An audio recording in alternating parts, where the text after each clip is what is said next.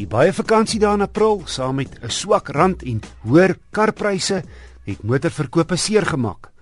Gemeet teenoor April 'n jaar gelede, is 10.5% minder nuwe passasiersvoertuie van die hand gesit en 11.5% minder ligte handelsvoertuie en bakkies.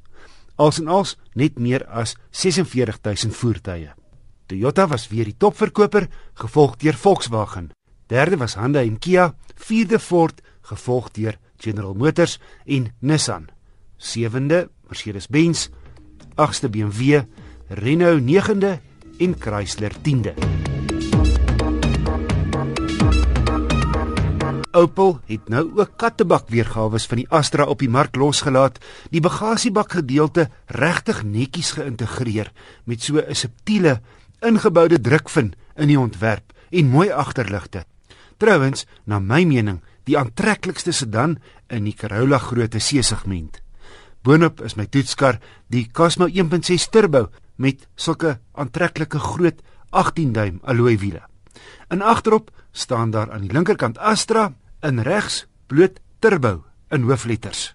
Binne is die middelste konsole besig met baie knoppe, 'n dun strook krom om die meters en skakelaars en oppervlaktes skep 'n smaakvolle indruk. Hierdie Cosmo model kom met netjies gestikte en op die oog af duursame leersitplekke wat lekker sit en nogal ondersteunend is. En die tema word op die kante van die deure en die stuurwiel en die ratjie hier voortgesit. Met my skelet van net oor die 1,9 meter kon ek agter myself sit danksy inname in die agterkant van die voorste sitplekke. So ruimte heel billik vir hierdie klas. Net 'n plekbesparende spaarwiel onder die bagasiedeksel en 'n interessante deksel wat kan oopslaan as jy lank goed deur die agterste rugleuning wil deurskuif. Die bufferwand is egter nogal hoog wat die in- en uitlaai van groot goed beperk. Hy het lekker skop die 1.6 turbo 132 kW en 230 Nm en is nie nodig om gereeld te roei met die 6-spoed radkas nie.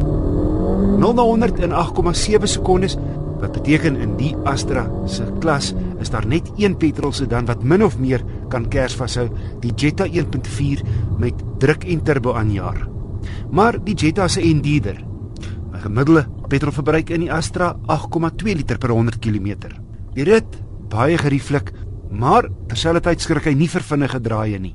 Goed toegerus, behalwe die mooi leerafwerking, ook verhitting op die voorste sitplekke, 'n 7 luidspreker klankstelsel, togbeheer en 'n sweterhiel veiligheidskenmerke. Die Opel Astra sedan 1.6 turbo Cosmo het my beïndruk.